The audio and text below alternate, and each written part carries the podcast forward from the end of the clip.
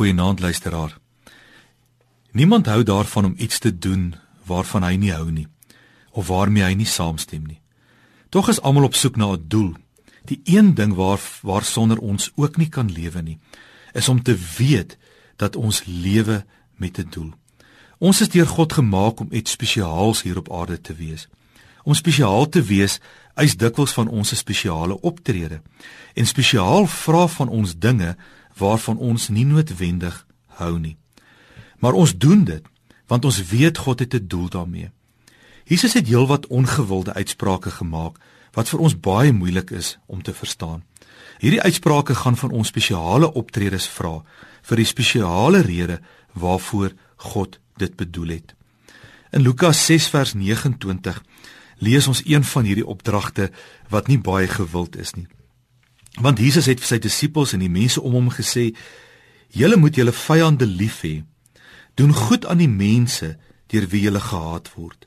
Seën die mense deur wie julle vervloek word. Bid vir die mense deur wie julle sleg behandel word.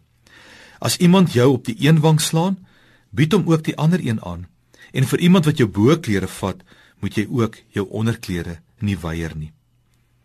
Hierdie gedeelte begin met die woorde van: "Julle wat na my luister. Julle moet. Dit klink eintlik glad nie lekker nie. En as ons eerlik met mekaar moet wees, is hierdie versie glad nie wat ons wil hoor nie. Maar wat beteken dit? Jesus is hier besig om vir sy disippels 'n waardevolle les te leer. Hulle moet kies om hulle lewe te leef met 'n groter doel. Die Jode het net mooi niks van die Romeine gehou nie, omdat hulle God se volk onderdruk het.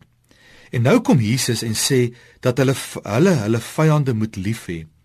Hierdie woorde van Jesus het talle mense van hom hom af laat wegdraai.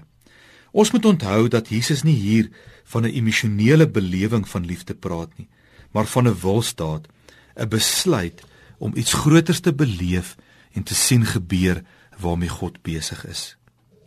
Waarom ek en jy kan kies om deel te word van God se werk. Ek en jy kan kies om baie keer terug te staan en te kyk hoe die Here aan die werk is en beleef wonderwerke waarmee hy besig is. Wat maak jy met die ongewilde uitsprake van Jesus? Dit is ook ons keuse of ons hieraan gehoorsaam gaan wees. Wanneer ons ja sê, mag ons ook iets beleef van genesing vir 'n wêreld en vir mense se lewens wat ons nie kon voorsien het nie.